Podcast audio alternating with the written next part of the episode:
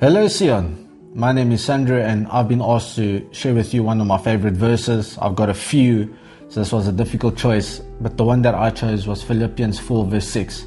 And this plays a big part, or a special part in my life, because been there, done that so many times, but God always comes through.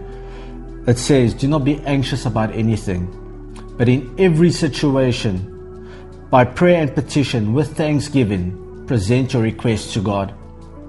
Now, I've been without a job, I've been stuck without nothing at stages in my life. I've gone through quite a lot. There's a lot I've been through. But every time I've turned to God instead of worrying about it, and it's difficult not to worry about things. I think that's one of the, the, the key principles we've got to learn. Instead of worrying, we've got to turn to praise and worship. And once we get that right, as it says in Philippians 4, verse 6, and this verse pops up quite a lot. I mean, we got daily stress. People are not working at the moment.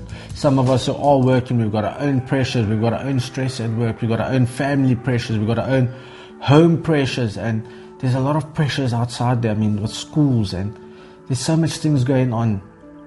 But a lot of times we cannot change the situation. We cannot change what's happening around us. But what we can do is go on our knees start off with start off by God and saying, Lord, help me. Bless me with the wisdom. Or help me to to be creative enough to, to get through the situation. Whatever your request is, God always says, bring it to me. Throughout the whole Bible, He always says, come to me and I will do it for you. And yet, a lot of times we choose the hard way, we worry, we stress, we try everything but going to God. Then when all else fails, it's amazing when we turn to God, God just answers everything. In the week, I already had Monday and Tuesday, I had quite a difficult day. It was, those two days were quite rough for me. I'm busy with exams and, you know, it's work and there's a lot else going on in my life that I'm trying to cope and it just got too much. And this verse came up and it just says, why aren't you to God? And actually, a friend reminded me that but why, uh, why am I not praying? I remind everyone to pray. Why am I not praying?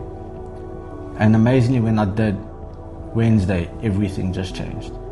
My attitude changed. The way I started viewing everything around me, everything just seemed to fall in place and everything just started working out. Because I remembered that my focus should be on God.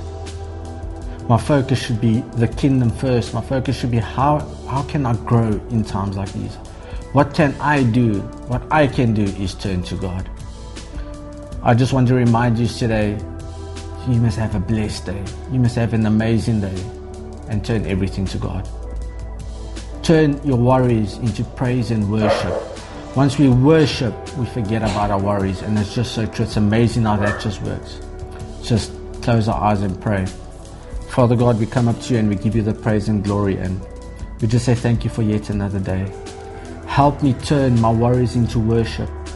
Help me come to you today and just know that with you all things are possible through Christ who strengthens me. Let there not be a day that goes by that I that I forget to praise and worship you. Not a day goes by when I've got to worry that I, I come to you and I give it to you because I know all things will work for the good for those who love Jesus Christ. We give you the praise and glory in Jesus' name. Amen. Blessings, Sion.